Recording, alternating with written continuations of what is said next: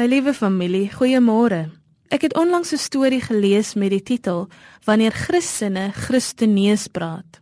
Die gesprek lui as volg: Is jy gered? vra 'n jong man vir my toe ons na die bus stap. Hy oorhandig 'n pamflet met 'n prentjie van die hel op die voorkant. Verseker, antwoord ek.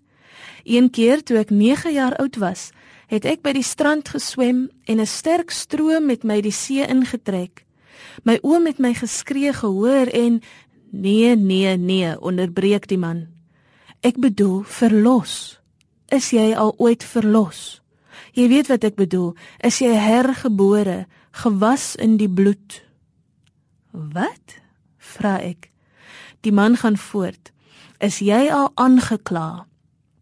Natuurlik nie, antwoord ek. Ek was nog nooit in die moeilikheid met die wet nie. Hy kyk my in die oë en sê: "Jy benodig stilte tyd. Ek het pas stilte tyd gehad." "Wat beteken dit?" vra ek. "Wel," sê die man, "elke dag voor ete klim ek in my gebedskas." Ek was so verward en ek vra: "Bid jy in 'n kas by die werk?" "Nee," sê die man. "Dit is gewoonlik in my motor." Het jy dan 'n kas in jou motor? Op hierdie punt gee die man op en laat my maar gaan met totale verwarring in my kop. Christene is geneig om sulke gesprekke met ander te voer. Gesprekke wat net glad nie sin maak nie. Klink jy soms soos 'n vreemdeling vir ongelowiges? Paulus sê aan die Korintiërs in 1 Korintiërs 12 dat hul getuienis oor God altyd met orde moet geskied.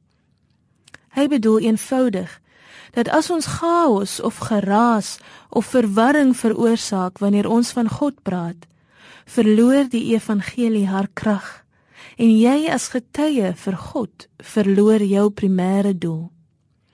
Moenie jou vermoë om te kan praat onderskat nie. Dit het baie krag. Paulus waarsku net dat die krag daarvan afhang van hoe jy dit gebruik. As jy jou eie idee van woorde gebruik, chaos veroorsaak of mense afbreek, laat dit eerder daar en fokus op die groter behoefte van die hele mensdom.